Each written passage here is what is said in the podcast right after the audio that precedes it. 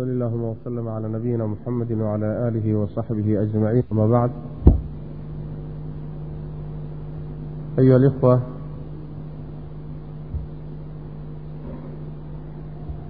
darsigeenna ama muxaadaradeenna caawa waxay ku saabsan tahay cinwaan la yidhaahdo ama la odhan karo qaswat اlqalbi asbaab wa cilaaj macnuhu waxa weeyaan qalbi ingeyga qalbiga ruuxa ingega asbaabta keenta iyo maxaa daawo u noqon kara? Waa mowduuc runtii aan is leeyahay aada buu muhiim ugu yahay in uu ruuxa muslimkii uu dhegaysto ama in la daraaseeyeyba runtii mudan. Sababtu waxa weeye walaalayaal sidaan ogsoonnahay rasuulkeennuna inoo sheegay salawaatu rabbi wasalaamu calayh qalbigu waa xubinka ugu muhiimsan jidhka bini aadamka. Waa xarunta looga taliyo jidhka bini aadamka. Hadduu isagu hagaago ficnaado jidhkii waa hagaagayaa hadduu isagu hallaabo jidhkiina waa hallaabaya wabitaali ruuxa noloshiisii waa hallaabaysa ahmiyaddaasuu marka leeyahay qalbigu rasuulkeena salawaatu rabbi wasalaamu calayh xadiid uu soo saaray alimaamu muslim caleyh raxmat ullah min xadiidi nucmaan ibni bashiir ayaa rasuulku wuxuu yihi sal lla alay wasalam alaa waina fi اljasadi mudga ida salaxat salaxa aljasadu kuluh waida fasadat fasada aljasadu kuluhu alaa wahiya alqalbu buu uri sal lla alay wasalam nebigu dadkuu yidhi baraaruga bal soo jeesada hadalkayga si fiican u dhegeysta jidhka bini aadamka dhexdiisa waxaa abuu nebigu yuri sal lla alay wasalam cad yar oo hilib ah oo qiyaastiisu la eg tahay wax afgelis ah hal mar afka la gelin karo. Cadkaa yarka ah hadduu hagaago jidhka intiisa kalena waa hagaagayaan hadduu hallaabana jidhka intiisa kale waa hallaabayaan xubnihii oo dhan waa hallaabayaan hadduu hallaabo. Hadduu hagaagana xubnihii kaleoo dhan waa la hagaagayaan nebigu wuxuu uhi sal lla alay wasalam cadkaa yarkaa ee hilibka ah waa qalbiga buu rasuulku yihi salawaatu rabbi wasalaamu calayh. Idan qalbigu waa markaska ama waa xarunta looga taliyo jidhka wey hadduu xaruntu hagaagto faracu waa hagaagaya hadday xaruntu hallaysan tahay faracuna waa hallaabaya qalbiga waa meesha looga taliyo carabka looga taliyo waa meesha gacmaha looga taliyo waa meesha lugaha looga taliyo. Waa meesha indhaha looga taliyo. Waa meesha dhagaha looga taliyo. Waa meesha xubnaha bini aadamkao dhan meesha kontaroosho waay. Waa bimathaabati almelik waalacdaa'u junuuduhu kama yaquulu alimaam ibnuqayim caleyh raxmat ullah qalbigu waa sidii boqor oo kale waa sidii madaxweyne oo kale. Xubnuhuna askartiisii wey yacni hadduu madaxweynuhu hagaago askarta iyo shaqaalaha dowladdu wixii wanaagsanaaye madaxweynaha ka yimid inbay fulinayaan haddiise madaxdu ay hallowdo yacni shaqaalihiina waa hallaabaya. Leanna meeshii wax ka imaanayeen ayaa hallowday oo xumaatay. Maadaama marka uu ahmiyaddaas leeyahay oo rabbi subxaana wa tacaala uu ku sheegay runtii sida xadiidka nabigeenna ku sugan salawaatu rabbi wasalaamu calayh waa xubinka rabbi subxaana wa tacaala addoommadiisa uu ka fiiriyo oo uu kala xisaabtamo. Meesha ugu horraysa rabbi subxaana wa tacaala uu addoonka ka fiirinayo waa qalbiga. Sida xadiiska nabigeenna ku sugan sal lla alay wasalam ina allaha laa yanduru ilaa suwarikum walaa ilaa ajsaamikum walaakin yandur ilaa quluubikum wa acmaalikum allah subxaana wa tacaala sawirkiina ma fiiriyo. Sawiradiinna ilaahay ma fiiriyo. Waxbana kuma qaybsado. Ma fool xun tahay? Ma quruxsan tahay? Ilaahay agtiisa waxba kama aha subxana wa tacaala ma dheer tahay? Ma gaaban tahay? Ma laf weyn tahay? Ma laf yar tahay? Waxba ilaahay agtiisa kama aha. Jidhkiinna ilaahay ma fiiriyo subxana wa tacaala laakiin ilaahay wuxuu fiiriyaa qalbigiinna iyo camalkiinuu fiiriyaa qalbigu marka waa meesha ilaahay kaa fiirinaya subxana wa tacaala. Waa meesha aada ilaahay agtiisa ama cadaab kaga mudanayso ama aada janno ku mudanayso. Maadaama uu xubin sidaa u muhiimsan yahay wuxuu mudan yahay marka in lagu dadaalo.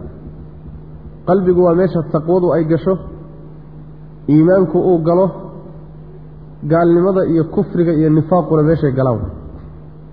Waa xubinka mabaadi'da weeleeyo wey xubinka mabaadi'du gasho wey.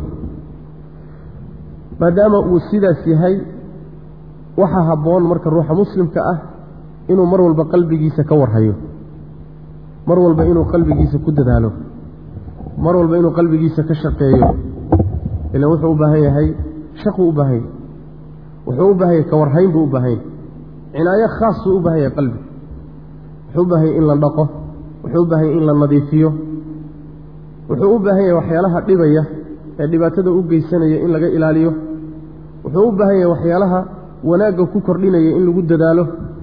Maxaa yeeley waa meesha sida xadiidka nebiga baan ku soo sheegnay sal alay wasalam hadday kuu hagaagtana aakhariya adduunba waad liibaanaysa hadday kaa hallowdana aakhariya adduunba waa khasaaro. Wey adduunkana waad kadeedmaysaa aakharana cadaab ilahay baad gelaysaa subxana wa tacala haddii qalbigu kaa hallaabo xubnaha kaleoo dhan hallowgooda waa laga soo waa laga soo kaban karaa. Indhuhu hadday kaa hallaabaan wuxuunbaa ku ku ku yani waxa wey waa uu laga soo kaban karaa. Haddii gacmuhu kaa hallaabaan haddii luguhu kaa hallaabaan laakiin haddii qalbigu kaa hallaabo khalaas warkaagu waa dhammaaday markaas. Waa xubin marka walaalayaal sidaa halis u ah. U baahan marka ruuxa muslimka inuu aada ugu dadaalo. Wuxuu rasuulkeenu inoo sheegay salawatu rabbi wasalaamu calayh. Xubinkaas waa qalbigee waxaa ku yimaada xaalado fara badan. Xaaladaha faraha badan oo keeni kara inuu jirrado. Waxaa jira waxyaalo fara badan oo xubinkaasi hadduu helo oo caafimaadayo oo wanaagsanaanayo oo iftiimayo oo wanaag ka soo fulayo xibnihii kalena uu wanaajinayo waxaa nabigeena ka sugan sal alay wasalam xadiid imaamu muslim iyo axmed ay soo saareen min xadiidi xudayfata bni alyamaan wuxuu nebigu yuri sal lla alay wasalam tucradu alfitanu cala alquluub carda alxasiiri cuudan cuudan buu nebi yuri sal lla alay slam fitnooyinka ayaa quluubta loo bandhigaa. Sida galaha ama derinta ulaheeda marka derinta xadhigga laga furfuro ulaheeda sida mid mid mid mid sida loogu kala qaadqaadoo kale sidaasoo kaleetaa fitnooyin isdaba yaallo israacraacsan ayaa quluubta loo bandhigaa buu nebigu yuri salawatu rabbi waslamu caleyh fitnooyin baa qalbiga quluubta loo bandhigaa. Fitnooyinka quluubta loo bandhigayo culimmadu waxay ku sheegaan waa laba fitno. Ama waa fitnatu shahwa ama waa fitnatu ashubha. Fitnatu shahwa waxa weeyaan waa adduunka iyo wixii la xidhiidha jacaylkiisa wey. Waa nooc fitna wey. Adduunka jacaylkiisa dumarka jacaylkooda carruurta jacaylkooda xoolaha jacaylkooda nolosha iyo sii jiridda jacaylkeeda jacaylka aad adduunyadan jeceshahay shahawaadkeeda iyo waxyaalaheeda dhaldhalaalaya waa nooc ka mida fitnooyinka qalbiga asiibay ka mid tahay. Nooca labaadna waxa weeye waxa weeyaan waa shubha la yidhaahdaayo waa cudur keena in wixii xaq ahaa uu baatil kuugu muuqdo. Sunnadiina inay bidco kuugu muuqato. Wanaaggiina xumaan kuugu muuqdo. Xumaantiina ay wanaag kuu noqoto adigoo markaa isla quman adigoo markaa moodaya inaad daliil haysato adigoo wuxuun markaa aada ismoodaysa inaad wuxuun ku tiirsantaood cuskan tahay ayaa waxa weye xaqii oo dhan baa kula gadoomaya markaasaa waxa weeye xaqii wuxuu kuu noqonayaa baail baailkiina xaq buu kuu noqonaya xaqiina wuxuu noqonayaa baail baailkiina xaq buu noqonaya mawaasiintii o dhan baa marka rogmaysa o isbedelaysa macana marka labadaa cudur ayaa yaa yaa asal u ah. Cudurrada iyo fitanka quluubta loo bandhigaya ku dhacay waxaa xadiiska ka muuqda nebiga sal lay slam fitanka quluubta loo bandhigayo inaysan hal mar ahayna ay isdaba joogaan. Fitnaa loo bandhigayaa fitnadaa marka loo bandhigo haddii uu ka badbaado iyo haddii uu ku dhacaba tu kalaa ka dambaysa haddana. Taasna hadduu ka badbaado ama uu ku dhaco haddana tu kalaa ka dambaysa. Ilaa ruuxa intuu nolosha ka tegayo fitankaas daba jooga unbaa qalbigiisa loo bandhigaya wuxuu nabigu yuri sal alay wasalam fa ayu qalbin ushribaha nukitat fiihi nuktatun sawdaa quluubtu labay noqonayaan markii fitanka loo soo bandhigo qalbina wuu cabbayaa wuu qaadanayaa wuu aqbalayaa wuu yeelayaa. Qalbigaasi markuu fitnadaa loo soo bandhigay aqbalo oo uu yeelo dhibic madow baa korkiisa lagu samaynaya dhibic madow baa korkiisa ku samaysmaysa haddana fitno kalaa loo soo bandhigaya wuu aqbalayaa qalbigii waa qaadanaya waa cabbayaa sida biyihii oo kaleeto isbooye biyo lagu shubay oo kaleeto sooma cabbaysa sidaasoo kale u cabbaya iyadaa markii uu cabbana haddana madow kalaa lagu samaynaya. Mid kale haddana loo soo bandhigaya waa qaadanayaa madow kalaa lagu samaynaya ilaa qalbigii u wada madoobaado. Quluubta qaarkood waa noocaas. Oo waa quluubta jiran oo waa quluubta aan iftiinka lahayn oo waa quluubta xaq iyo baatilka aan kala garanaynin oo waa quluubta dadkood dadkeedu ay adduunyada raaceen iyo shahawaadkeeda ama shubuhaad ay ku dhasheen oo bidac iyo khuraafaad iyo waxsaasa ay ku jiraan. Wuxuu nebigu yuri sal lay waslam wa ayu qalbin ankarahaa nukitat fiihi nuktatun baydaa xataa yasiira alqalbu abyada midla asafaa laa taduruhu fitnatu maa daamat asamaawaatu waalard waalaakharu aswadu mirbaadan kalkuuzi mujakhiyan laa yacrifu macruufan walaa yunkiru munkaran ila maa ushriba min hawaahu buu nebi yuri sal lay slam qulubtii mid kaa horuu noqonaya soo sheegnay ka labaad waxa weeye qalbi markii fitnadii loo soo bandhigo oo loo keeno ayuu diidaya waa diidaya yacni waxa weeyaan waa isdifaacaya waa qalbi nool maadaama uu nool yaho khayr ku jiro oo iimaan ku jiro fitnadii markay ku timaado markaba waa haraatinaya wuu tuuraya ma ogolaanayo. Markuu fitnadaa tuuro wuxuu nebigu yuri sal alay wasalam dhibic cad ayaa lagu samaynaya mid kale loo soo bandhigaya iyadiina waa diidaya. Dhibic cad ba haddana lagu samaynaya ilaa uu qalbigaasi uu noqdo qalbi cad oo dhalaalaya oo iftiimaya oo ilays uu ku kala garto xaq iyo baatilka kale ilaa uu noqdo qalbigaas quluubtii marka labay noqotay mid waa madoobaade waa mugdi. Midna waa iftiimaya oo ilays baa ka baxaya oo waa nool yahoo naf baa ku jirta. Wuxuu nebigu ku sheegay sal ly slam qalbiga cad ee fitnada diiday sidaa dareedeenna ilaahay ugu abaalguday inuu iftiin iyo ilays siiyo. Dhanka kale markaad fiirisana waa qalbi adag oo wuxuu ku adag yahay. Xaqana waa ku adag yahay baatilkana waa ka adag yahay. Sidii dhagaxa adag ee sibsibka ah dhagax adag oo weyn oo sibsib ah si walba haddaad yeesho ma kari karti qalbigaasoo wuxuu noqonayaa dhagaxaasoo kale markaasaa fitno kasta hadday ku timaado isagaa ka adag. Fitno kasta hadday ku timaado isagaa ka adag. Heerkaasuu qalbigu gaadhayaa sida fitanka loogu soo bandhigayo ee uu diidayo isaga celinayo isaga celinayo. Marka dambe heer wuxuu gaadhayaa ilaahay uu ka dhigo sida dhagaxa oo kale inay fitanku kari waayaan. Heerkaasuu gaadhaya markaasaa nebigu wuxu uhi sal lla lay slam laa taduruhu fitnatun maa daamat isamaawaatu waalard inta dhulka iyo samaawaadku dhisan yihiin wax fitnaa oo wax yeeli karta ma jirto. Qabyaaladii hadday timaaddo waa iska celinaya shahwo hadday timaaddo waa iska celinaya shubha hadday timaaddo waa iska celinaya adduunye jacayl hadday timaaddo waa iska celinaya gaalnima hadday timaaddo waa iska celinaya wax kasta oo ku yimaada qalbigaasi waa iska difaacaya ilaa adduunku intuu jiroo dhan hadduu qalbigaasi jiro wax wax yeeli kara ma jira buu nabigeenu yihi salawatu rabbi wasalaamu caleyh ka kale waa qalbi madoobaaday oo weliba madowga waxaa ugu daran waxa waxaa u dheer intuu madoobaaday buu haddana yaa la yaa yaa la dabagembiyey waa gembisan yahay isaga dhanba meeshii hoosena kor baa la mariyey. Meeshii afka ahaydee wax ka geli lahaana hoos baa la mariyey.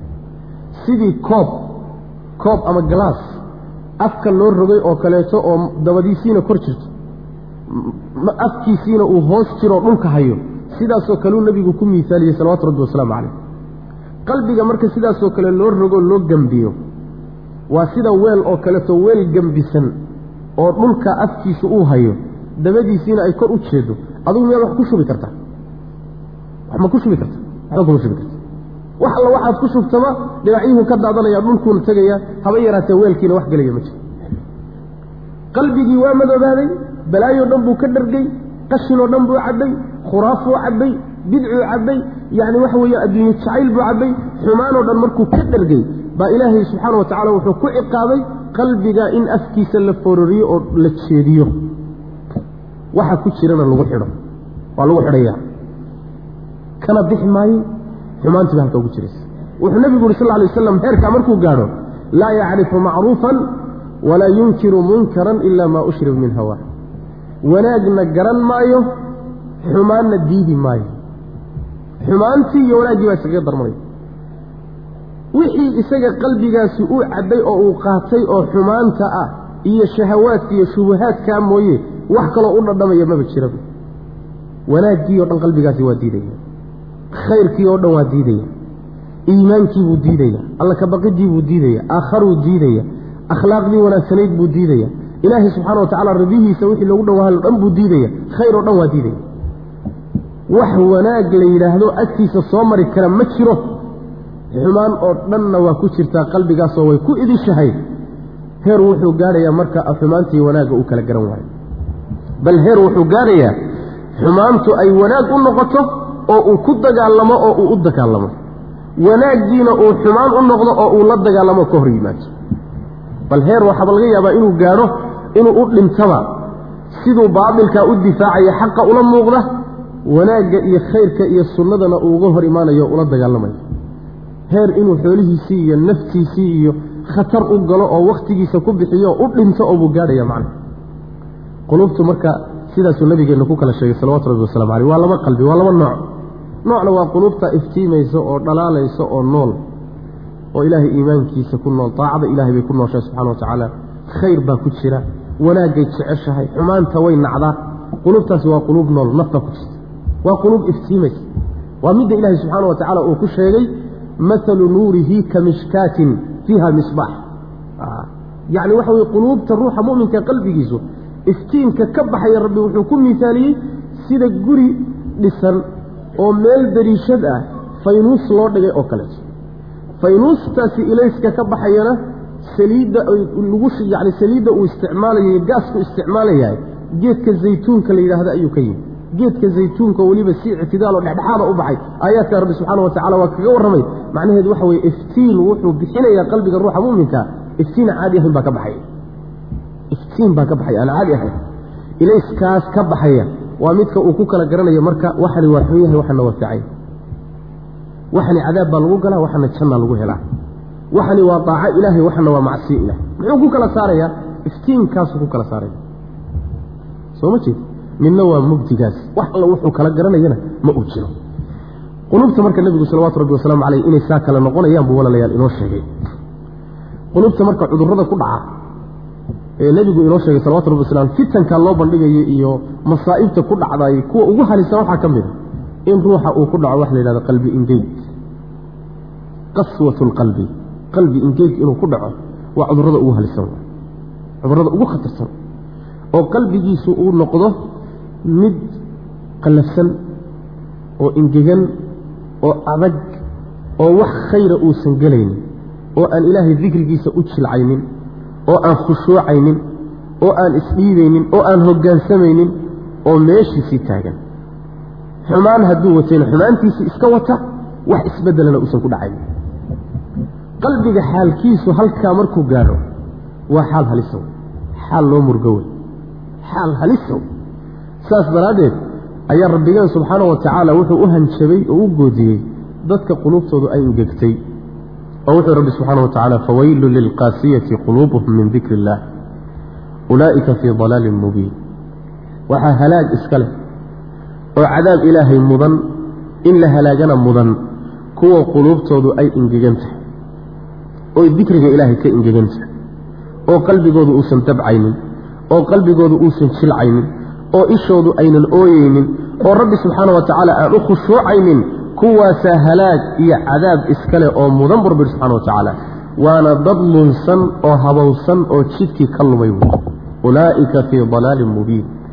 Ruuxba hadduu is aragto marba haddaad is aragto ilaahay dikrigiisu inuusan qalbigaaga jilcinaynin oo qur'aankii qalbigaaga uusan jilcinaynin oo rabbi subxaanahu wa tacaala aayaadkiisu ayna waxba kaa taraynin oo xaalkaagu inuu sii xudaamaado mooyaane isbeddel uusan kugu dhacaynin oo xagga khayrka aadan u soo jilcaynin marba haddaad is aragto xaalkaagu waa halis. Ruuxa xaalkiisu shaki male wuxuu gaadhay marxalo halisa ayuu gaadhay meel halisa ayuu gaadhay macna. Waxa uu leeyahay nin ka mida a'imadii taabiciinta maalik ibnu diinaar la yidhahdo wuxuu yidhi maa duriba cabdun bicuquubatin acdam min qaswati alqalbi buuri addoonka lagu musiibo ka weyn qalbi ingeyg inuu ku dhaco musiibo ka weyn kumaba dhacdo buu leeyahay musiibo addoonka lagu sameeyo oo ku timaada waxaa ugu weyn qalbigiisa oo ingega oo ilahay dikrigiisa subxana wa tacala ka ingega xudayfat almarcashi nin la yihahdo isaguna wuxuu leeyahay maa usiiba axadun bimusiibatin acdam min qasaawati qalbihi. Ruuxa laguma asiibo musiibo ka weyn qalbigiisu inuu ingego oo ilaahay subxaana wa tacaala dikrigiisa iyo khayrka inuu ka ingego qalbiga marka ingeygiisa maxaa keenay ila wixii haddaynu ogaanay inuu yahay khatar halisna yahay qalbigiina in laga shaqeeyo uu u baahan yahay. Waxaan u baahannahay inaan fahanno maxay tahay asbaabta keenta inay qalbigu uu ingego maxaase daawo u noqon karo qalbigu hadduu ingego lagu daaweeya labadaa qodob ayaan insha allahu tacala midba wax ka taabanayna qalbigu inuu ingego asbaabta keenta waxaa ka mid ah inaad ilaahay aayaadkiisa ka jeedsato markaad ogaato kadib. Ilahay soo kitaab ma soo dejin. Soo rabbi subxaana wa tacaala rasuul ma soo diray soo dhaxal inoogama tegin iyo axaadiistiisa inoogama tegin iyo dhaqan. Markaad ogaato xaqii markaad ogaato. Haddaad ka jeedsato oo aad ka tagto oo aad dhinac iska mariso shaki ma laha waxaa kugu dhacayo ilaahay inuu kugu abaalmariyo oo kugu ciqaabo qalbigaaga in la engejiyo. Qalbigaaga in khayrka laga xidho. Ilaa uu noqdo qalbigaagu mid ka adag xataa dhagaxa ka adag. Waxaa ku tusaya arrintaa iyada rabbi subxaana wa tacaala reer bani israa'iil buu qur'aanka ka warramay. Waa bulshadii inaga horraysay wuxuuna yidhi subxaana wa tacaala markii laga warramay aayadaha suuratu lbaqara suuratu lbaqara qisadii neefka lo-da ee gowraca la yidhi. Markay muddo su'aalo soo celcelinayeen waa kuwa neefkii gowracay. Markay gowraceen kadib baa waxaa la yidhi neefkaas cad ka mida intaad qaadaan meydka ku dhufta. Isagaa markaa idiin sheegi yaa dilay. Ciddii dishay isagaa warrami. Rabbi subxaana wa tacaala markii ay arkeen aayaddaa rabbi subxaana wa tacaala markuu tusay oo meyd intuu dhintay la soo nooleeyey oo hadlaya ma shay sahlan ba? Oy kulligood markhaati ka wada yihiin. Aayad weyn iyo mucjiso weyn rabbi markuu tusay. Reer bani israa'iil waxba mayna ku qaadanin. Maxaa ka dambeeyey marka? Rabbi wuxu uhi subxaana wa tacala uma qasat quluubukum min bacdi dalik. Fahiya kaalxijaarati aw ashaddu qaswa waina min alxijaarati lamaa yatafajaru minhu alanhaar waina minha lamaa yashaqaqu fayakhruju minhu almaa. Waina minha lamaa yahbitu min khashyati illah wma allahu bigaafilin cama tacmaluun uma qasat quluubukum min bacdi dalika leh. Si walba markii wax laydinku sheegoo laydiin tusaaleeyey wax qaadan weydeen kadib baa qalbigiinnii ingegay buu rabbi yihi subxaana wa tacaala quluubtiinnii baa dhuftay quluubtoodii markay ingegtayna wuxuu rabbi ku miisaaliyey fahiya kaalxijaarati aw ashaddu qaswa. Waa sida dhagaxyaantoo kale bawaba ka daran tahay. Waa dhagaxyaantoo kaley noqotay ama waaba ka daran tahay. Markaasaa rabbi subxaana wa tacaala wuxuu sheegay inay jiraan dhagaxyaantu bini aadamka qalbigiisu markuu ingego inuu dhaguxu dhaamo. Wa ina min alxijaarati lamaa yatafajaru minhu alanhaar dhagaxyaanta waxaa ka mida qaar webiyaashu ka soo burqadaan. Wa ina minha lamaa yashaqaqu fayakhruju minhu lmaa dhagaxyaanta qaarkooda waxaa jira intay ilaahay cabsidiisa la dildilaacaan biyuhu ka soo boodaan oo ka soo burqadaan. Wa ina minha lamaa yahbitu min khashyati illaah. Dhagaxyaanta qaarkoodna buurta korkeeda isagoo saaran ilaahay cabsidiisa intuu ishayn waayuu meeshaa ka soo dilandilaya oo ka soo dhacaya wama fiirsada webiyaashan aad arkaysaan iyo ilahan durdurka ah waa dhagax ooyahayo. Dhagax ooyahaya ilmadiisii. Muxuu la ooyaya?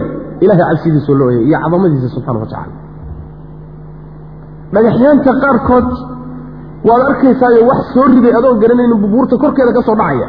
Markaasuu salka imaanaya ilahay cabsidiisuu la soo dhacaya subxana wa tacala iyo cadamada ilah soma marka rabbi wuxuu leeyahay qalbiga bini aadamku markuu ingego xataa dhagaxa dhaama dhagaxaa ka jilicsan.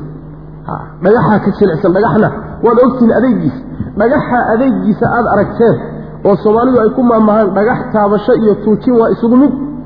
Qalbiga bini aadamka markuu ingegaa ka sii adag oo ka sii qallafsan oo ka macangegsan soo maarta maxay quluubtooda u ingegtay ilaahay aayadihiisiibay ka jeesadeen. Ilaahay tusaalayaashiisiibay ka jeesadeen. Xaqii markay ogaadeen bay diideen way iska kibriyeenoo waa kaw iska weynaysiiyeen. Adiga xaqa haddaad iska weynaysiso aayaadka ilaahay xaqu markuu kuu caddaadana aada dantaada ka raacatood faraha ka qaado waxaad ogaanaysaa ilaahay wuxuu kugu ciqaabayaa in qalbigaaga la xidho oo qalbigaaga la engejiyo oo balaayo lagu raaciyo oo khayrka iridiisa lagaa xidho. Adaa garanaya marka meeshaad isgelin lahayd. Waxaa ka mid a walaalayaal asbaabta keenta quluubtu inay gegto tuululamad inuu ruuxa waktigu ku dheeraado inuu waktigu ruuxa ku dheeraado. Wakti ku dheerashada waxaa laga wadaa. Macnaha ruuxu waa muslim. Maalmaha hore ee uu wax fahmo. Maalmaha hore uu xaqa fahmo. Waxoogaa waxa weeyaan xamaasad baa ku jirta. Xiisuu hayaa. Nashaad buu leeyahay. Waa dadaalayaa. Wakti buu qaadan. Wakti baa ku soconaya. Maalinba maalinta ka dambaysa waa dabcaya. Maalinba maalinta ka dambaysa waa dabcaya. Maalinba maalinta ka dambaysa waxoogaa waa sii durkaya wakhtigaa kugu dheeraanaya ee aadan dadaalka kordhinaynin wuxuu keeni karaa inuu qalbigaagu ingego leanna wixii wuxuu kula noqonayaa wax naftaadu la qabsato xiisihii baa soo yaraanaya xamaasadii baa soo guraysa siduu nebigu ku yidhi sal alay wasalam ina likulli camalin shira walikulli shiratin fatra buu nebigu sal lay slam camal kasta xiisuu leeyahy xiise walbana wakti u dhammaaduu leeyahy ee ninkii markii xiisihiisu soo dhammaado sunnadayda uusan la kala hoos marin oo dariiqadaydii aan hoos uga dhicin ninkaasaa liibaanay buu nebigu yuri salawatu rabbi waslamu calayh. Ninkiisa markii xiisihiisu soo dhammaado sunnadii uu iyo dariiqii nebiga kala hoos maro oo uu la fogaado kaasi waa halaagsamay buu rasuulkeenu yihi salawatu rabbi wasalaamu calayh. Ujeeddadu maxay tahay marka ujeeddadu waxay tahay ruuxa waxaa la doonayaa muslimkaa mar walba wakhti adduunyada ay wakhti uu ku yimaadaba maalin walba oo waa u baryaba waxaa la doonayaa inuu khayr sii siyaasado maalin walba waxaa la doonayaa inaad wax kordhiso. Haddaad tukan jirtay afar ragcadood oo waajib ah bas wax ku dar. Maalinta labaadna wax kale ku dar. Haddaad adkaar akrin jirtay maalinta dambe wax ku dar. Maalinta kalena wax ku sii dar. Maalinta kalena wax ku sii dar. Sii kordhi. Hoosiyayna kula aadin hadday hoos kula aaddo marka dambe waxaad gaadhaysaa heer xataa waajibkii aad dayacdo. Adoon isgaranaynin goormaad halkan gaadhay ood gaadhay xataa heer aad waajibkii ka tagto ayaad marka dambe ku baraarugaysa haddaabad baraarugtaba. Marka yani waxaa la doonayaa ruuxa wakhtigiisa iyo maalmihiisa iyo saacadihiisa ku socda maalin walba inuu iskontaroolo oo inuu wanaag iyo khayr kordhiyo mooyaane inuu iska ilaaliyo inuu hoos u dhac ku yimaado. Rabbi subxaana wa tacala arrintaa isagoo tilmaamaya reer bani israa'iil buu rabbika subxaana watacaala ka hadlayo saxaabadaa la canaananayey nebiga salawatu rabbi waslamu aleyh asxaabtiisa la canaananaya waxaa la yidhi alam yaani liladiina aamanuu an takhshaca quluubuhum lidikri illah wma nazla min alxaq walaa yakunuu kaladiina uutuu lkitaaba min qablu faطala calayhim اlamadu faqasat quluubuhum wakaiiru minhum faasiquun. Miyaynan dhowaanin buu rabbi subxana watacaala miyaynan u dhowaanin dadka iimaan kale alla iyo rasuulkiisa rumeeyey inay quluubtoodu u khushuucdo ilaahay dikrigiisa. Iyo waxa ilaahay xaggiisa ka soo degay oo qur'aanka ah. Iyo inaysan noqonin ahlulkitaabkii muddadu ku dheeraatay kadibna quluubtoodu ingegtay intooda badanna faasiqiin bay ahayen bu rabbi subxana wa tacala soo ma jeedi? Fataala calayhim alamadu faqasat quluubuhum. Wakhtigaa ku dheeraaday kadibna quluubtoodiibaa ingegtay way adkaatay. Ilaahay subxaana wa tacaala wuxuu ku daray inay yihiin faasiqiin yihiin marka waxaa la doonaya ruuxu maalin kasta oo u kordha inuu khayr u kordho haddii kaleeto waxay noqonaysaa ood hal meel ku istaagto meeshaasi shaydaan iyo naf baa kula xidhiidhe marka dambe hoosu dhac baad bilaabaysaa waana halis markaasi macna. Waxaa ka mid a walaalayaal asbaabta keenta inuu qalbigu ingego ilaahay ballantiisoo laga baxo subxana wa tacala ilaahay ballantiisoo laga baxo. Ballanta ilaahay waa laba. Ballan waa midaan ilaahay la galay ballanna waa ballanta aan addoommada ilaahay la gelayno. Labaduba waa ballan aan ilaahay la gelayno. Ballantaan ilaahay toos ula gallay waxay ahayd innagoo aabbaheen aadam dhabarkiisa ku jirna oo weli aan layna abuurin. Yuu rabbi intuu ina uruuriyey ayuu ballan inaga qaaday. Alastu birabbikum soo rabbigiin ma ihi. Meel baa laynagu uruuriyey ilaahay unu oogya xaalkeeda markaasaa rabbigeen wuxuu inu yidhi soo rabbigiin ma ihi waxaynu nidhi hawaata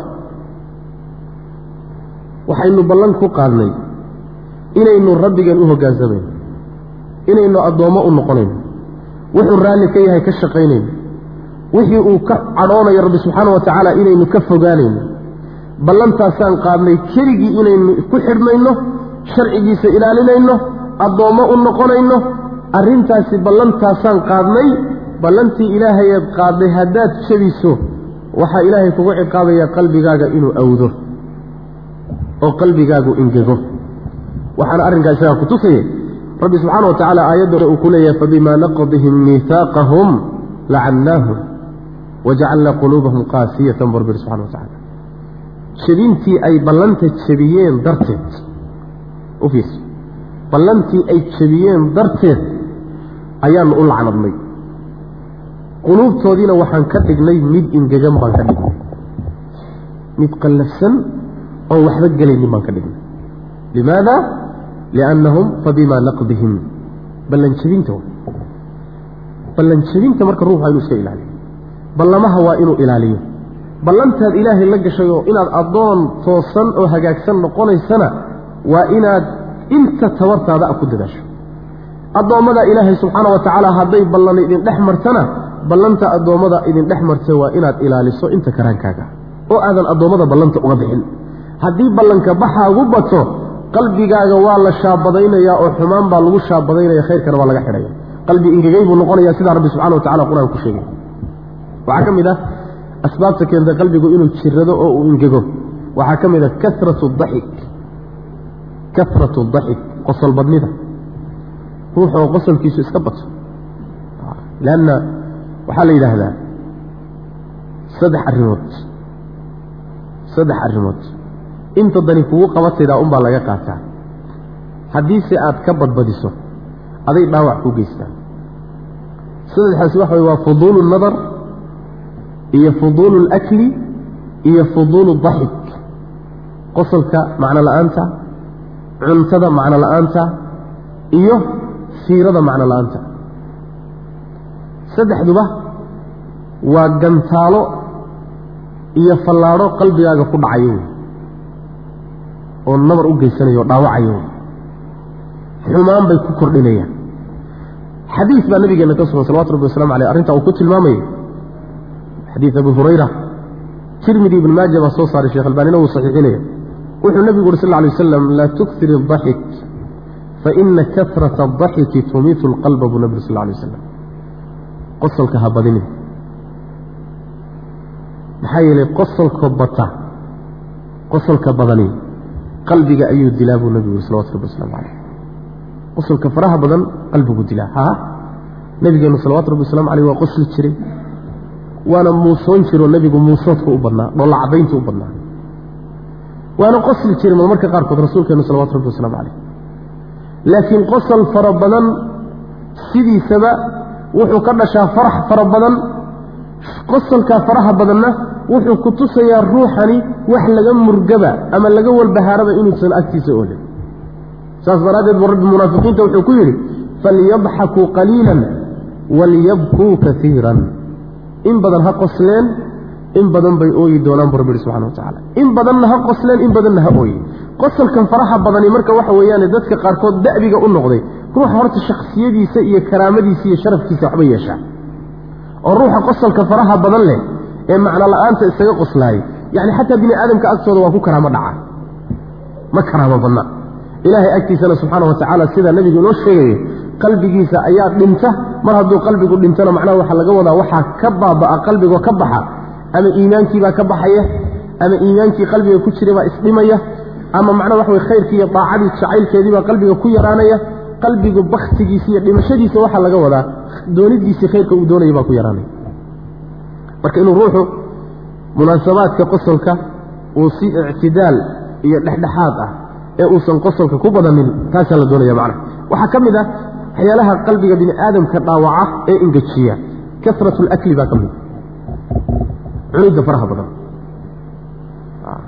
Cunidda faraha badan. Saddexda xilli iyo xilliyo u dhaxeeya wakhti walba waa dhergaa cuntada faraha badan iyo cabidda faraha badani shirkana caafimaad darray u geysataa. Qalbigana waxay u geysataa ingeyg iyo dhimashay u geysataa. Sidaas daraaddeed buu rabbigeen subxana wa tacala qur'aanka wuxuu ku yidhi wakuluu washrabuu walaa tusrifuu inahu laa yuxibu lmusrifiin cuna oo cabba laakiin ha xadgudbina cunidda iyo cabidda ha ku xadgudbina wax walba qiyaas buu leeyahy qiyaasta baahidaada ha ka badin. Iskontarool haddaad naftaada siday rabto uun ku sii dayso waxaad gaadhaysaa khatar ah cuntadan faraha badane ee caloosha tegaysaay inay yani wax way caafimaadkaaga inay dhib u geysato daacadaadii iyo alla kacabsigaagii iyo khayrkaad ku dadaalaysayna inay macnaha wax way iyaduna dhaawac u geysato. Maxayna qalbigiibay dhaawacaysa qalbigiibay dhaawacaysa dhaawac u geysanaysaa. Sidaas daraaddeed baa rasuulkeenna salawaatu rabbi wasalaamu caleyh xadiidka axmed iyo tirmidi ibn maaja iyo xaakim ay soo saareen min xadiidi abi hurayra min xadiidi miqdaami bni macdi ayaa wuxuu nebigu yuri sal alay wasalam maa mala'a bnu aadam wicaaan sharan min baطnihi buu nebi uri sal lla alay slam ibni aadamku weel ka shar badan calooshiisa ma buuxinin weligii buu nebi uri sal lla alay slam weel uu ibni aadam buuxiye waxaa ugu shar badan calooshiisa ugu shar badan. Weel la buuxiye caloosha ugu shar badan bixasbi ibni aadam buu uri sal alay wasalam akalaatun yuqimna sulbahu. Ibni aadamka waxaa ku filan waxoogaa luqmado ah oo uu dhabarkiisa ku toosiyo. Macnaha waxaa laga wadaa gaajada iskaga saaro. Intaasaa ku filan. Intaa ku gaabso markaasaa nebigu wuxu uhi sal alay waslam fain kaana laa maxaalata. Haddii aadan marna daynaynin inaad badsato mar haddaad sida fiicani waxa weye waxoogaa uun luqmado afgelisa waxoogaa afgelisa oo gaajada uun aad iskaga saarta inaad ku gaabsataa ku fiican. Laakiin haddaad tidhahda maya anugu ka badan baan u baahna waa badsanaya nebigu wuxu uhi salawatu rabbi wasalaamu caleyh fa hulutun liطacaamihi wa hulutun lisharaabihi wa hulutun linafasihi buu nabig sal lay slam caloosha saddex meelood u qaybi. Qayb cuntada geli. Qaybna cabitaanka geli. Qaybta saddexaadna ha banaanaato aad ka neefsatida daa. Bal u fiirsada nabigeena salawatu rabbi waslamu caleyh yacni waxa weeye haddii aad saddexdii qayboodba cunto wada geliso cabitaanna ka dulgeyso xaggee ka neefsan soo markaa cudurra kugu dhici maayaan. Waxaa ka dhalanaya markaa inaad caajisto ood hurdada ka kici weydo oo dikriga ilaahay u kici weydo oo qur'aanka akhriskiisii ku dhimo oo salaatuleylkii ku dhibto oo macnaha waxa weye khayrku ku dhimo leanna waad cuslaatay. Waad cuslaatay bal waxay yidhahdaan culimmada ibiga culimmada macnaha cilmiga ibiga waxay yidhahdaan ilaahay subxaana wa tacaala cilmiga ibiga oo dhan wuxuu ku ururiyey aayad niskeed buu ku ururiyey.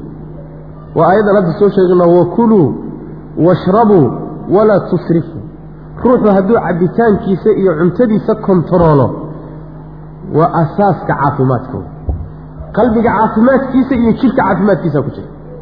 Nebigeenuna salawatu rabbi wasalamu alay saasuu inagula teliyo wuxuu yidhi caloosha saddex qaybood u qaybiya qaybna cuntada geliya qaybna cabitaanka u daaya qaybta saddexaadna ha banaanaatee dhaafa oo aad ka neefsateene.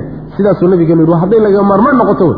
Haddii kale waxaaba fiicanba waxoogaa luqmada inaad ku kaaftoonto ayaaba kuu rambu rasuulkeenu lehy salawatu rabbi waslamu caleyh marka cunidan faraha badan waa waxa qalbi ingeeja keeni ka midta saas daraaddeed culimmadii hore iyo aimmadii salafka ridwaanullahi calayhim haddaad noloshooda fiirisaan suhdigooda iyo waracooda iyo dadaalkooda iyo daacadoodii iyo yacni waxa weyaan hal ninoo ka mid a haddaad tarjamadiisa akhridiyo siday u noolaayeen waad la yaabaysa waad la yaabaysaa. Malaha waxa weeye boqolaal nin oo hadda nool oo cibaadaad iyo khayr badan hal ninoo iyaga ka mida ma gaadhi karaan. Hal ninoo iyaga ka mida ma gaadhi khayrkay u fududaayeen. Laakiin innaga waxaan u fududnahay oo ina dadaalkeennu uu jiraa dhankaa adduunyadu jira waxaa ka mid ah asbaabta walaalayaal qalbiga ingeeggiisa keento quluubta dhaawacda kasratu dunuub dunuubta faraha badan. Leanna mar walbo ruuxu dembi uu galo waa fallaab qalbigiisa ku dhacday wey dembiyadan ishu soo gudbinayso qalbigii bay dhaawacaysa dhegtu khaladka ay maqlayso qalbigii bay ku dhacaysa waa dhaawacaysa gacantu khaladkay gelayso qalbigii bay dhaawacaysa soo ma jeed lugtu khaladkay gelayso qalbigii bay markaba yani dhaawac ku samaynaysa farjigu khaladkuu gelayo qalbigiiba markaba dhaawacaysa leanna waa xaruntii wax walba oo jidhka ku yimaado khayr ama shar ah xarunta aqbalaysa ama diidaysa kolley kolleyba dhaawac ka madhaan maayo dooniba ha gaadhsinaade dunuubtani marka waxa weye qalbigii bay dhaawac ku samaynaysaa waa inuu marka ruuxu uu dunuubta uu iska ilaaliyo. Hadduu dembi ka dhacana waa inuu ka toobadkeeno. Waa ka nabigeena salawatu rabbi wasalaamu caleyh xadiidka abu hurayra tirmidi axmed ay soo saareen iyo nasaa-i. Nebigu wuxu uhi sal ly waslam ina almu'mina idaa adnaba kaanat nuktatun sawdaa fii qalbihi addoonka muslim ruuxu hadduu dembaabo qalbigiisa dhibic madow baa ahaata. Fain taaba wanazaca wastakfara saqula qalbuhu buu nabig sal lay slam hadduu dembigii ka soo noqdo oo ilaahay dembi dhaaf weydiisto qalbigiisu wuu soofoobaa yacni qalbigiisa waa la soofeeyaayo dhibicdii madoobeyd baa laga tiraa waa laga dhaqaa laga nadiifiyaa. Hadduu tooba keeno soo noqdo wain zaada zaadat buu nebigu uri sal alay wasalam haddii uu dembigii kordhiyo oo meeshii laga rabay inuu ka soo noqdo ku kale uu galo oo ku kale uu galo dhibicdii madoobeyd baa sii siyaadaysa buu uri salawatu rabbi waslamu caleyh way sii kordhaysaa xataa tacluwa qalbahu buu nebi sal lay slam ilaa ay qalbigiisao dhan dhan wada daboosho oo qalbigii oo dhan meel cadba laga waayo kulligii wada madoobaado. Markaasaa nebigu wuxu yhi sal lay wasalam fadalika araan aladii dakara allahu tabaaraka wa tacala fii kitaabihi raanka ilaahay oo kitaabkiisa ku sheegay waa kaa oo rabbi wuxuu yidhi kallaa bal raana calaa quluubihim maa kaanuu yagsibuun quluubtooda waxaa daboolay oo mirdhiyey wixii ay shaqaysanayeen ee dembiyada ahaa. Dembigaa aada gelayso wuxuu daxal ku noqonayaa oo mirir ku noqonaya oo madow ku noqonaya qalbigaaga maadaama marka qalbigaagu madoobaado oo qalbigaaga adduunka iftiin laga waayey iyo iftiinkii iimaanka waxaa lagugu abaalgudaya abaalgudkaagu noqonaya maalinta aakhare haddii la tagana qalbigaaga in laga xijaaba ilaahay aragtidiisa subxana wa tacala aakhare marka la tago nicmo la helo nicmada ugu weyn maxay tahay? Aakhare markii la tago waxyaabaha aakhare mu'miniintu ay ku helayaan nicmada ugu weyn maxay tahay? Ilaahay oo la arko. Soo ma? Annadar ilaa wajhihi tabaaraka wa ilaahay oo la fiiriyo oo mu'miniintu ay daawadaan nicmo aakhare lagu helo nicmada ugu weyn. Xataa nicmada jannada iyadaa ka weyn. Ruuxa qalbigiisa dunuubtu ay madoobeeyeen oo qalbigiisu ingegay ilaa qalbigoo dhan u wada madoobaado. Ruuxaasi xaq uma laha inuu maalinta qiyaamada rabbigii daawado subxaana wa tacaala waa laga xijaabaya. Saas daraaddeed baa waxaa laga dambeysay aayadda kalaa bal raana calaa quluubihim maa kaanuu yagsibuun maxaa laga dambeysiyey kalaa inahum can rabbihim yowmaidin lamaxjuubuun maalinta qiyaamada rabbigooda waa laga xijaabaya maxaa looga xijaabayaa lianna qalbigoodu ma istaahilo inuu rabbi daawado subxaana wa tacaala maadaama qalbi dunuub madoobaysay uu yahay ma istaahilo ma mudna inuu rabbi daawado subxaana wa tacaala soo maarta marka dunuubta inuu ruuxu aada isaga ilaaliyo iska jiro. oo aadan isdhihin uun dembigan aad gelayso ilaahay waa kuu dhaafayaayoo dee aakhare ilaahay waa kafuururaxiimo ama adduunkuuba kuu dhaafi. Leanna dhibaatooyinka ka dhalanaya yacni dembiga aad gashay adiga kula fudud baa waxa yacni aan la fududaysan kara ahayn. Ibnulmubaarak caleyh raxmatullah waa imaam a'immadii salafka ka mida ridwaanullahi calayhim jamiican. Ayaa waxaa ka mid ahaa kelimo kelimooyin gabay ah oo shicra oo u lahan jira oo murti ah baa wuxuu dhihi jiray ra'aytu adunuuba tumiitu alquluub wa yuurisu adulla idmaanuha wa tarku adunuubi xayaatu alquluub wa khayrun linafsika cisyaanuha waxaan arkay buu yidhi dunuubtu inay quluubta disho. Dullina waxaa keena inaad dunuubta daa'imto. Dunuubtoo laga tagana waa quluubta quluubta noloshooda wey waxaa kuu khayr badan naftaada inaadan warkeeda yeelina inaad caasido. Waxay kugula talinaysa inaadan ka yeelin. Kaale ilaahay caasi markay ku leedahay waa inay kuu muuqato dhibaatooyinka ka dhalan karo oo ay ugu khatarsan tahay. Dhibaatada qalbigaaga soo gaari karto iyo aakhiradaada soo gaari karto macnaha. Inahaasi walaalayaal waa asbaabta keenta dunuubta waxaan u jeedaa asbaabta keenta qulubtu inay ingegto maxaa daawa marka shaki ma laha in badanoo innaga inaga mid ah inaan dareemayno cudurkaas qalbi ingeyga ah. Maxayna ruuxu inuu qalbi jilicsan yahay waxaa lagu gartaa oo cudurkaa ka fayow yahay. Markii ilaahay aayaadkiisa lagu dul akhriyo qalbigiisu waa dhaqaaqa. Markuu qur'aanka akhrinayo indhihiisu waa ilmeeyaan. Daacada ilaahay subxaana wa tacaala waa u macaan tahay noloshiisa saacadaha ugu qiimo badan waa saacadaha uu ilaahay xusayo subxaana wa tacaala. Qalbigiisu wuxuu ku degaa oo uu ku xasilaa ilaahay dikrigiisa iyo xuskiisa.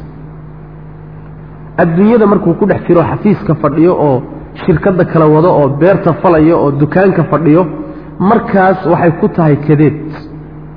Waa dhibsanaya. Laakiin goormuu nasanaya oo raaxaysanaya. Markuu ilaahay subxana wa tacala dikrigiisa hayo markuu masaajidka yimaado markuu qur'aanka akhrinayo markaasaa raaxada ugu fara badan buu dareemaa. Qalbi jileeca iyo qalbigaagu inuu nool yahay taasaa lagu gartaa.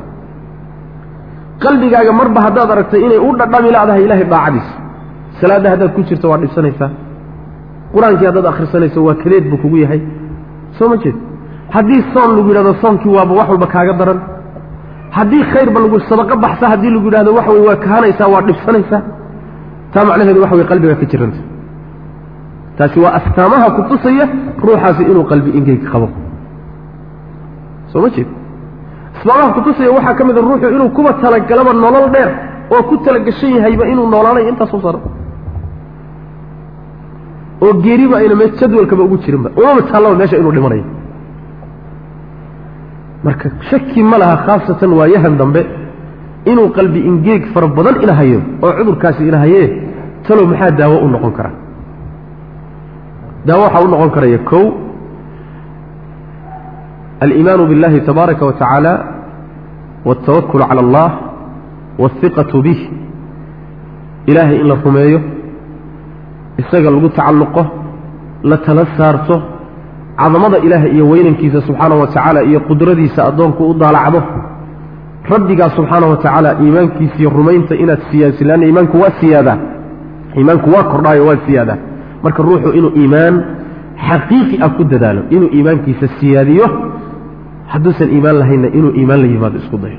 Leanna iimaanku waa qodobka koobaad ee asaasiga ah ee quluubta nooleeyo wey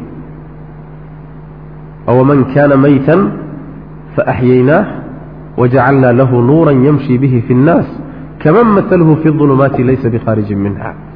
Ilaahay subxaana wa tacaala gaalada wuxuu ku sheegay in ay yihiin amwaat wax dhintay oo baktiyey buu ku sheegay. Mu'minkana wuxuu ku sheegay inuu nool yahay. Wuxuu ku sheegay gaaladu inay qubuur ku jiraan oo xabaalaha galeen iyagoo weli gelin oo adduunka kor jooga. Leanna waxa weye quluubtoodaan noolayn ruuxa mu'minka ana qalbigiisa nool iimaan baa nooleeyey quluubta iimaan baa nooleeyey horta marka koowaad waa inuu ruuxu ku dadaalo wax kastoo laga rabay inuu rumeeyo qalbigiisa inuu geliyo qalbigiisana uu macnaha waxa weye si fiican ugu sharxo oo si fiican uu macnaha waxa weye ugu ugu siyaadiyo oo weliba isku dayo inuu waxyaabihii kobcinayo iimaanka kordhinayo inuu la yimaado. Ta labaadii waxa weeye kasratu dikri illahi tabaaraka wa tacaala.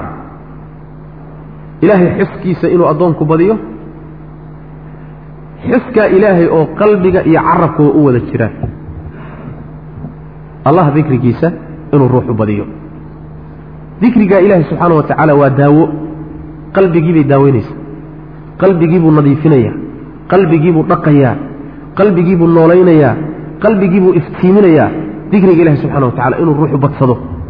Hadduu masaajid ku jiro hadduu jid marayo hadduu xafiis joogo hadduu dukaan joogo xaalad walba uu ku jiro inuu ilahay dikrigiisa badiyo subxana wa tacala aladiina yadkuruuna allaha qiyaaman wa qucuudan wa calaa junuubihim.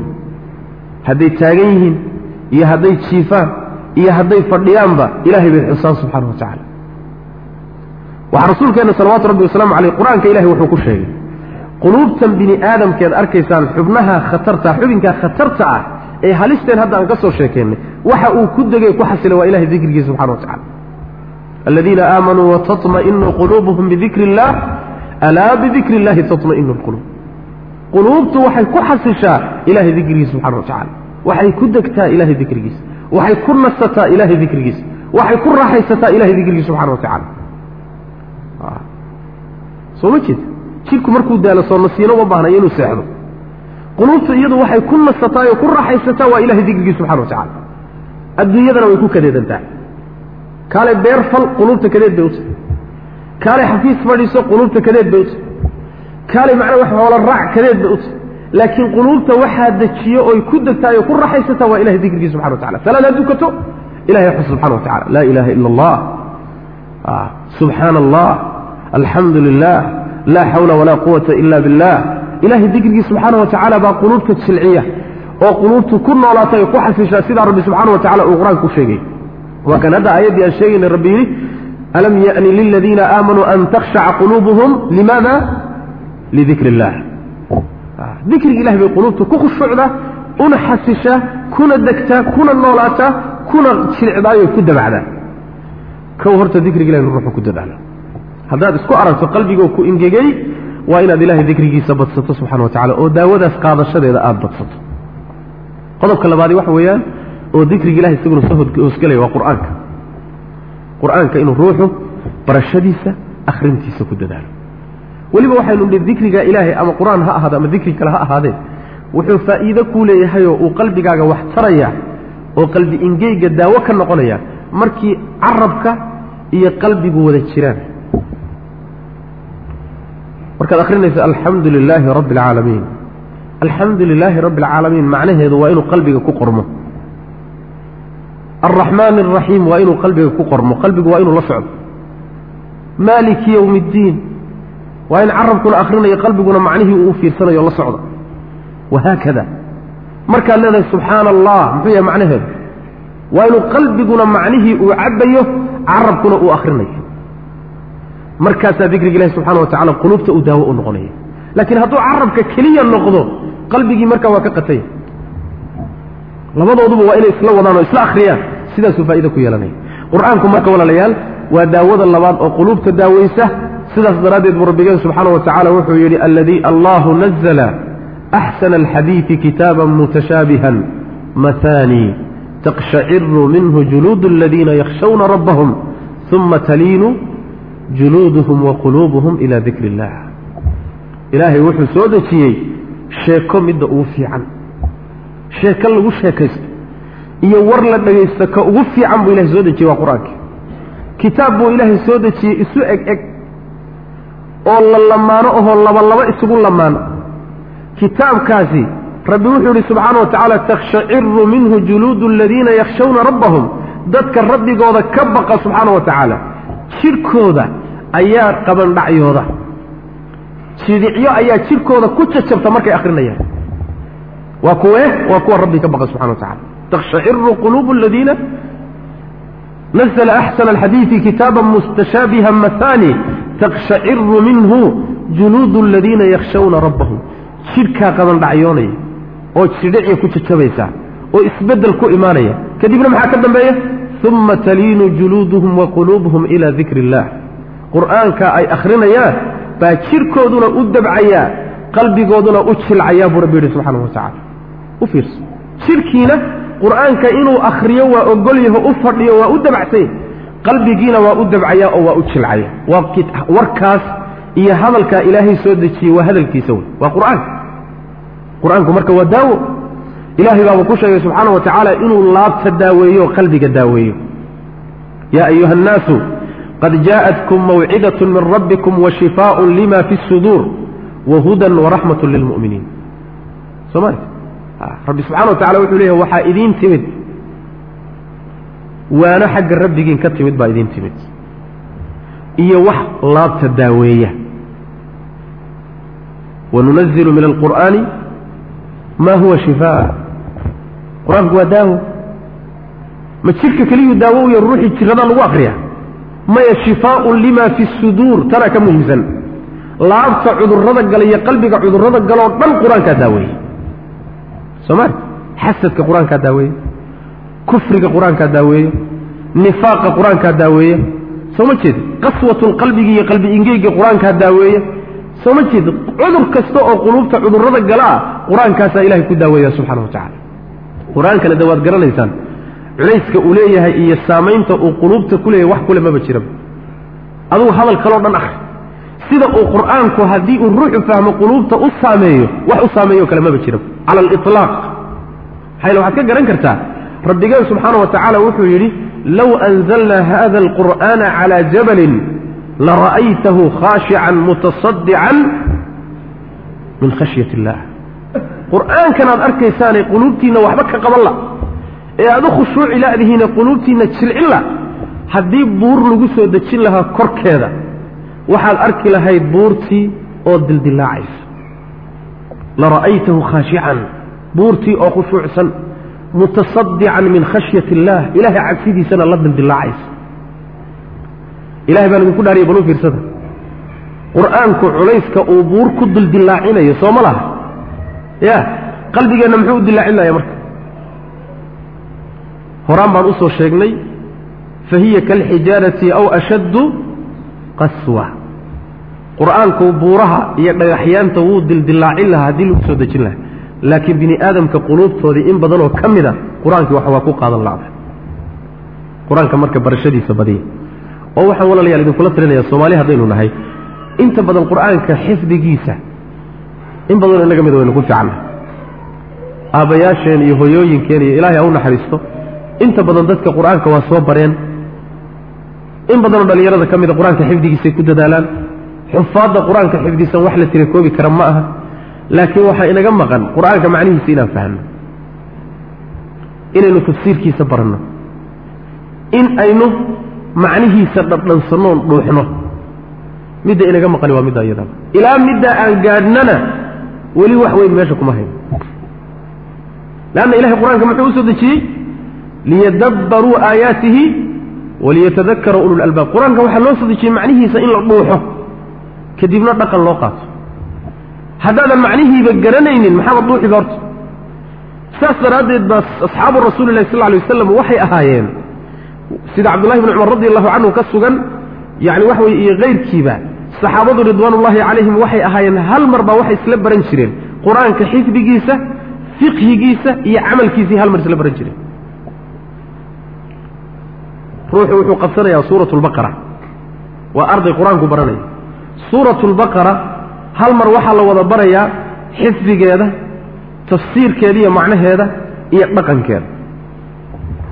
Markaasaa wuxuu leeyahay taabicigu hal mar baan isla barannay cilmigii iyo camalkii iyo qur'aankii baan hal mar isla barannay. Innagase waxa weye waxaa la yaab leh xufaaddii qur'aanka xifdisnayd baa in badan oo ka mida dhaqankooda aad la yaabaysa. Leanna wuxuu xambaarsan yahayba kama warhayo. Maba ogaba wuxuu xambaarsan yahay iyo culaysku leeyahay iyo wuxuu yahayba macna ahaan umaba dhadhaminba qur'aanka walaalayaal marka macnihiisa aan ku dadaalno fahamkiisa aan ku dadaalno barashadiisa aan ku dadaalno kadibna ku dhaqankiisa aan ku dadaalno wax badan baa inaga daaweynaya insha allahu tacala waxyaalo fara badan iyo dhibaatooyin badan oo haysta buu daawo ka noqon doonaa biidn illahi tabaraka wa tacala waxaa ka mid ah daawooyinka lagu daaweeyo qalbi ingeyga iyo cudurrada qalbiga gala. Waxaa ka mid ah alistikfaar inuu ruuxu badiyo ilaahay inuu dembi dhaaf weydiisto u soo noqdo mar walba xadiiskeen hadda soo marinay waa kii ahaa qalbigu markuu daxalaysto oo uu miriro.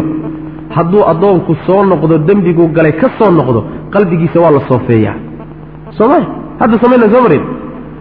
Haddaad khalad gasho ha ku madaxaday bini aadamka khaladku waa ka dhacaa bini aadamku sidiisaba waa khaldamaan. Cid aan khaldami ma jirto. Laakiin waxaa lagu kala fiican yahay addoommada qaarna markay khaldamaan bay isxusuustaan markaasay soo noqdaan. Qaarna xumaantay galeen bay sii wataan oo ku madaxdaygana ilaa ay dhintaan intaa way inta la isku dhaamo saas daraaddeed khaladkii ha sii wadanina ka noqo. Alla ilaahu waad i og tahay addoonkaagii baan ahay miskiinkaa khaldamahaya baan ahay shahwadaydaa iga tan shaydaan baa ila xidhiidha naf baa ila xidhi ilahu ii dhaaf. Astaqfir ullah astaqfir ullah astaqfir salawaatu rabbi wasalaamu calayh yacni waxa weeye maalinkii boqol goor iyo ka badan buu astaqfirullah dhihi jiray salawatu rabbi waslamu calayh isagood og tihiin in dembigiisii horiyo kiisii dambeba ilaahay u dhaafay ayuu haddana waxa weye boqol goor ka badan buu maalinkii dhihi jiray. Ilahu ii dembi dhaaf. Oo rabbigii u soo noqon jiray nebigu salawatu rabbi waslamu calayh. Walakum fii rasuuli illaahi sala allahu calayhi wasalam uswatun xasana. Waxaa ka mid ah asbaabta keenta quluubtu inay jilicdo qalbi ingeygana la dagaalanta inuu ruuxu badiyo xusuusta geerida. Inaad aada u badiso xusuusta geerida. Oo mar walba jadwalkaaga ay ka dhex muuqato inaad dhimanayso ood mar walba xisaabtaada ay ku jirto inay geeri ku soo hayso. Ruuxii xusuusta geerida badiya adduunyadu waa u khadhaadhaataa. Aakharana waa u macaanaataa. Walu ruuxu mar walbo geerida uu xusuusteeda badiyo qalbigiisa ay ku weynaato daacada ilaahayna waa u dhadhantaayo waa u macaanaataa adduunyaduna waa u khadhaadhaataa. Mar kasta oo ruuxu uu geerida halmaamo oo cimri dheer uu ku talagalo oo inuu noolaanayo u isa siiyo waxa uu ka tagaa daacadii iyo wixii aakhare u dhowaynaya o dhan buu halmaamaa. Markaasuu adduunyada ku fakadaa marka geerida badiya xusuusteeda wuxuu nabigeenu leeyahay salawatu rabbi wasalaamu calayh akiruu dikra haadimi alladaat buu nabi uri sal lay slam waxaad badisaan midka macaanyaalka goynaya xusuustiisa badiya buu nabi uri sal lay slam macaanyaalka midka gooya ka wey?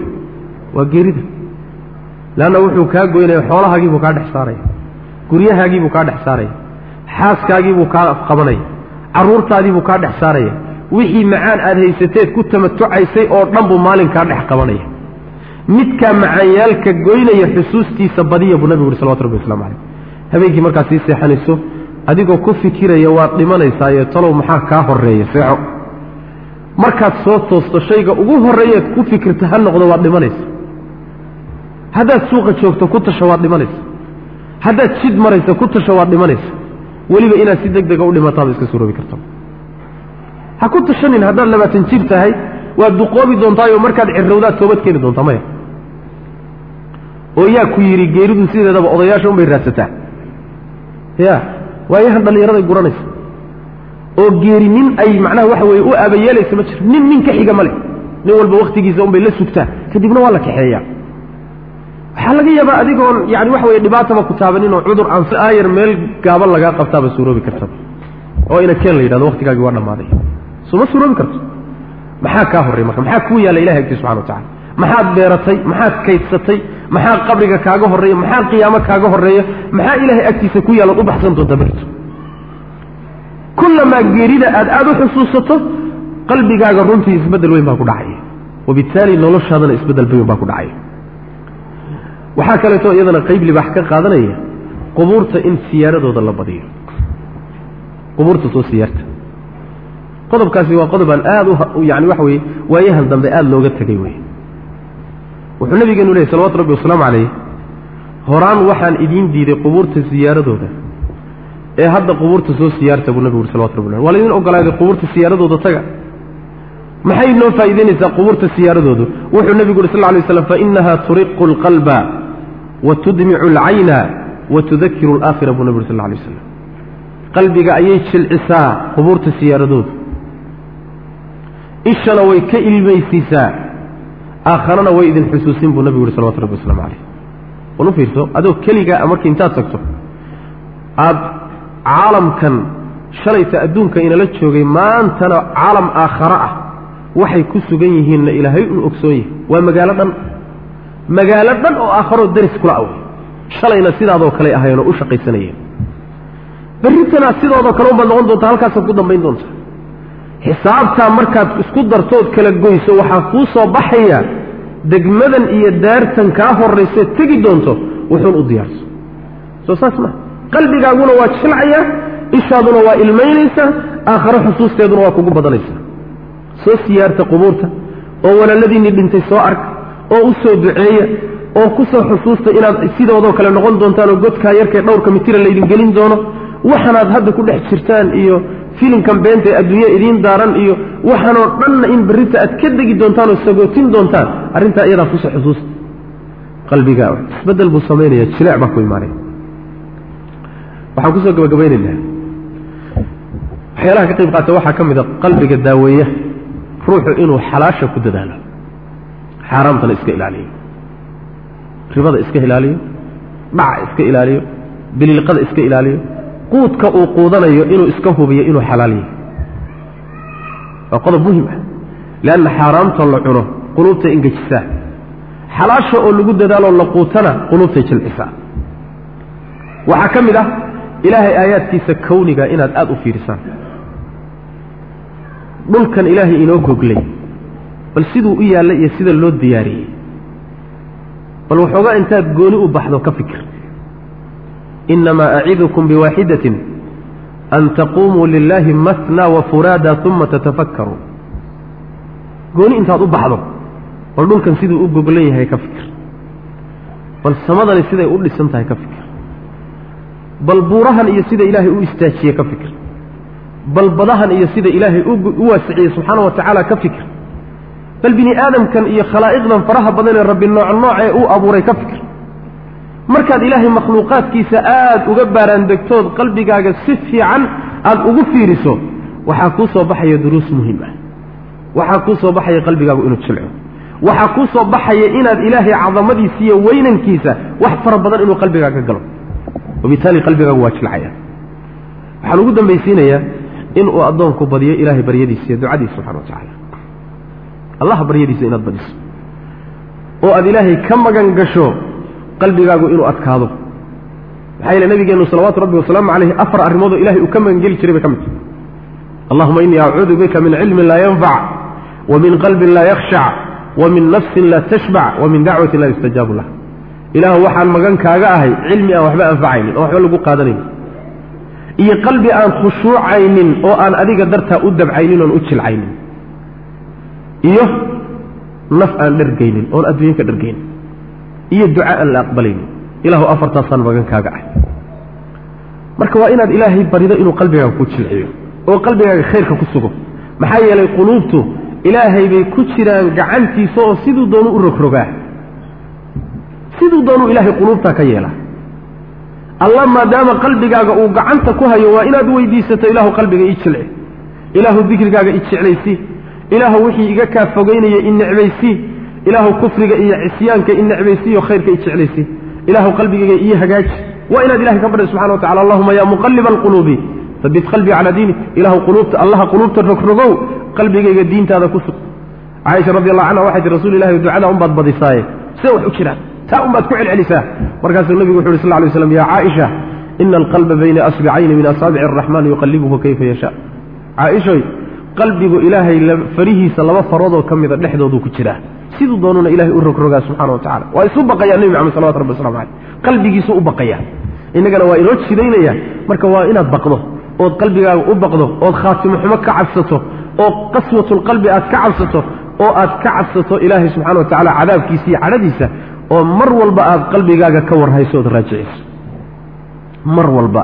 Meerxaladaad joogto waa inaad is ogaato waa inaad isla xisaabtanto waa inaad qalbigii nadiifiso waa inaad dhaqdo waa inaad yacni waxa weye hagaajiso waa inaad wixii wanaajinayana ku dadaasho wixii qalbiga hallaynayana waa inaad ka ilaaliso si qalbigaagu uu noqdo qalbi istaahile inuu jannada ilaahay galo subxana wa tacala qalbi istaahile inuu ilaahay daawado maalinta qiyaamada qalbi istaahile ilaahay inuu u naxariisto rabbi subxaana wa tacala ilaa waxaynu soo sheegnay inuu qalbiga fiirinayo waxa ku jira iyo sida uu yahay. Allah subxana wa tacala waxaan weydiisanaynaa inuu quluubteenna jilciyo rabbi subxaana wa tacala waxaan weydiisanaynaa inuu quluubteenna sugo. Allah subxaana wa tacala waxaan weydiisanaynaa inuu khaatumada inoo hagaajiyo. Rabbi subxaana wa tacala waxaan weydiisanaynaa inuu quluubteenna isu dumo. Cadaawadda iyo colaadda iyo nacaybka iyo qabyaaladana ilaahay quluubteenna ka saaro. Xumaanta jacaylkeedana ilaahay quluubteenna ka saaro. Dikrigiisa iyo daacadiisa ilaahay inuu ina jeclaysiiyo. Calaaqadiisa iyo ku-xidhnaantiisana ilahi subxana wa tacala alla inoo xoojiyo. Intaa ayaan kelimadii ku gabagabaynayna hada wabilahi towfiiq wsali allahuma wslm cala nabiyina muxamedi wcala alihi wasaxbi waslem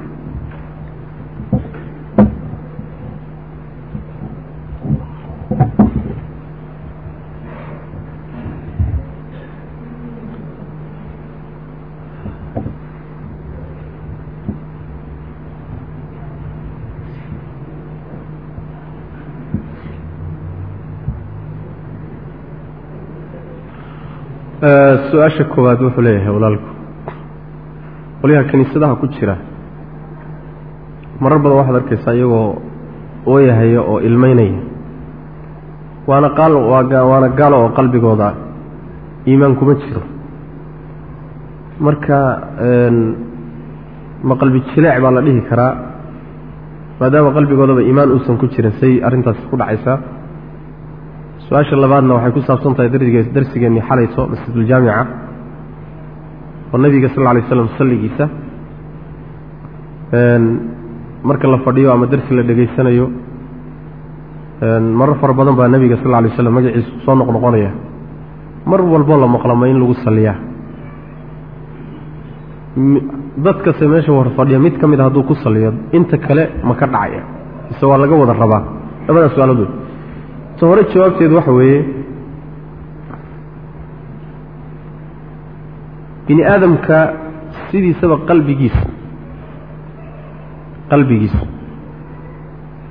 waxa iftiimiya keliya waa ilaahay rumayntiisa iyo xaqa raaciddiisa wa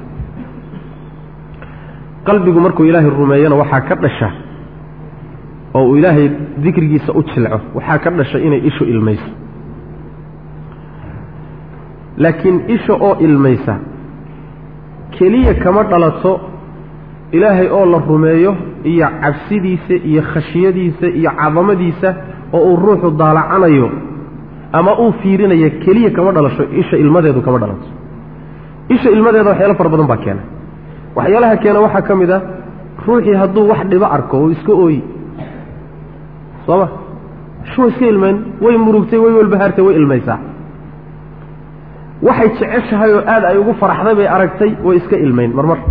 Soo saas ma marmarka qaarkood ruuxu waxa uu rumaysan yahay oo naftiisu markaa jeceshahay ama xaq ha aado ama baatil ha ahaadee ishu way la ilmaysaa. Qaar waxaad arkaysaa muusig bay garaacayaan muusigii markay judboodaan oo meeshii rabay ay gaadhaan oo marqaamaan waa ilmaynaya soo ma? Waxaad arkaysaaba iska dhaaf kuwan waa ahlulkitaab eh buddhismka jabaan iyo china iyo madhabkan laga haysto waa madhab macnaha waxa weeyaan yani waxa wey nooc tasawufa wa kitaab samaawi ama madhab ka soo dega xagga ilahay ka yimid maaha haddana maca daalika siday ugu dheggan yihiin iyo siday u ilmeeyaan iyo siday u judbaysan yihiin annaga uma judbaysan. Yani waxaan kadaata waa ictiqaadaad ay rumeeyeen waay. Somaali marka isha ilmadeedu waxyaalo fara badan baa keena laakiin muhimaddu waxa weeyaan qalbiga waxa ku jira ee ilmada keenaya ee qalbi jileeca keenayahay wuxuu saxsan yahay markuu waafaqsan yahay wixii ilaahay rabay subxana watacala wixii ilaahay soo dejiyey ee uu rabay hadduu khilaafsan yahay macno weyn ma keenayo faa'iidana ma leh.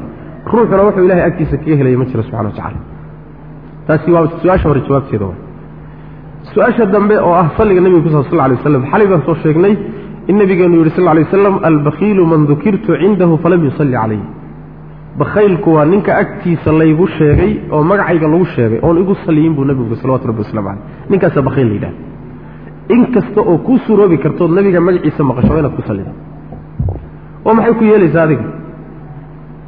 Soo hadda maynaan ka hadlayn ilahay dikrigiisa maynaan ka hadlayn ilaahay dikrigiisa kuwa ugu waaweyn bay ka mid tahay nebigoo lagu saliyo salawatu rabbi waslamu caleyh soo ma jir darsi baad dhegaysanaysaa magaciisaa ku soo maray ku salli fadhi baa la fadhiyaa magaciisaa la qaaday ku salli mar walbood maqasho inaad ku sallido waa sida fiican ee xadiista nebiga kutusay salawatu rabbi waslamu caleyh laakiin ma laazim baa mise laazim ma aha oo masale yani waxa weeye ay culimmada qaarkood ay leeyihiin laazim ma aha oo hal mar hadduu ruuxu ku salliyo marka labaad iyo marka saddexaad iyo waa sida fiican umaya laazim ku noqon mayso. Qolyana waxay leeyihiin ma ahe mar kastoo magaca la maqlo waa in nebiga lagu saliye allahuma ruuxu hadduu ishalmaansan yahay mooyaane.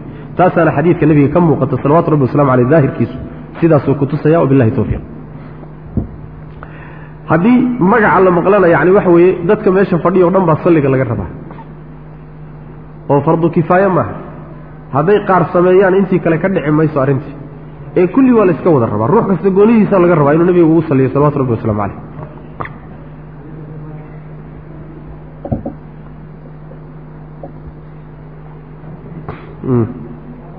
fadl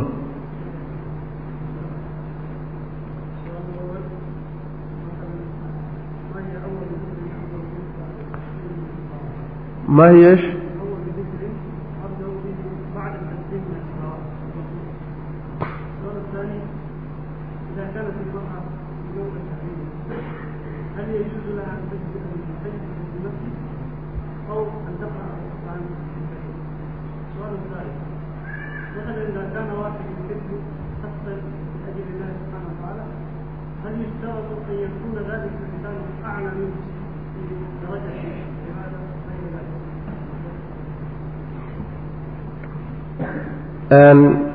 saddex su'aalood weeye. Su'aasha koobaad maxay ahayd kucali salaadda markaad ka baxdo dikriga ugu horreeya ee salaadda marka laga baxo la odhanayo ama la akhrinayo muxuu yahay? Dikriga ugu horreeya ee salaadda marka laga baxo la akhrinayo waa astakfir ullah astakfir ullah astakfir ullah oo saddex goora waxaa ku xigta allahuma anta asalaam wa asalaam tabaarakta ya da aljalaali waalikraam intaa markuu nebigu yidhaahdo buu soo jeedsan jiray oo dadka ku soo jeedsan jiray lan imaam buu ahaay markaasuu adkaarta ka dambaysa nebigu akhrin jiray salawatu rabbi waslamu caleyh laakiin labadaa wuxuu akhrin jiray isagoo sii jeeda oon weli qiblada ka soo jeedsanin xadiiska cabdullahi bni cabbaas ee ku soo arooray ee odhanaya takbiirta. Salaadda marka laga baxo waxaan ku garan jirnay takbiirta waxaa laga wadaa allahu akbar keliya lagama wadee adkaarta salaadda ka dambaysa o dhan baa laga wadaa. Saas daraaddeed baa culimmadu waxay leeyihiin nebigu shaygii ugu horreeyey uu ku bilaabi jiray. Xadiiskayna nas ku tahay waa astakfirullahi wey weliba way sii waasicinayaanoo waxay leeyihiin xajka marka laga baxo rabbi subxaana wa tacala wuxuu amray istikfaar in lala yimaado marka sadaqada la baxsado istikfaar in lala yimaado cibaadaadka intooda badan maalan soonka istikfaar in lala yimaado yacni waxa weeyaan istikfaartu waxay ka dambaysaa cibaadaadka oo dhan markaad ilaahay aada u cibaadaysood waajib ula timaado ilaahu ii dembi dhaaf waa inaad tira leanna waxaa dhici kartay leeyihiin cibaadadan aada gudatay sidii lagugu diray inaadan u gudanin. Soo uma badna way u badanta marka waxaad leedahay ilah wixii aan khalday ii dhaaf. Ilah wixii gaboodfala ii dhaaf. Saas. Waxaa la diidan yahay inaad ismahadisood isu aragto in wixii lagaa rabay oo dhan aad wada dhammaystirtayoo yacni waxa weye naftaada aada mahadiso taasaa la diidan yahay sax waajib waad gudatay laakiin waxbaa kaa dhiman. Ilaahu ii dembi dhaafleh dikriga ugu horreya waa midkaa isaga. Su'aasha labaadi waxa weeyaan haweentu markay caadada qabto masaajidka ma fadhiisan kartaa qur'aankase ma akrin karta. Waa masalo culimadu isku khilaafsan yihiin wax naska kutusaya labada mas'alo nas cad oo sugnaantiisuna ayna hadal ku jirin. Tusidiisa uu mas'alada kutusayana ayna hadal ku jirin ma uu jiro. Haddii kaasi jiri lahaa hadalba ma yimaadeenba masaladu marka waa masalo labada mas'aleba salafan wa khalafan culimadu isku khilaafsan yihiin amaa inta koley mudaalacadaydu ay gaadhsiisan tahay haweentu masaajidka ayada oo caado qabta way fadhiisan kartaa wax nasoo diidayana lama hayo bal waxaa la hayaa dumarku inay masaajidkii nebiga salawaatu rabbi wasalaamu caleyh dhex seexan jireen. Sida ragguba u dhex seexan jireen masaajidkii nebiga dumarkuna waa dhex seexan jireen. Alimaam albukhaari caleyh raxmat ullah saxiixiisa ayuu ku soo guuriyey.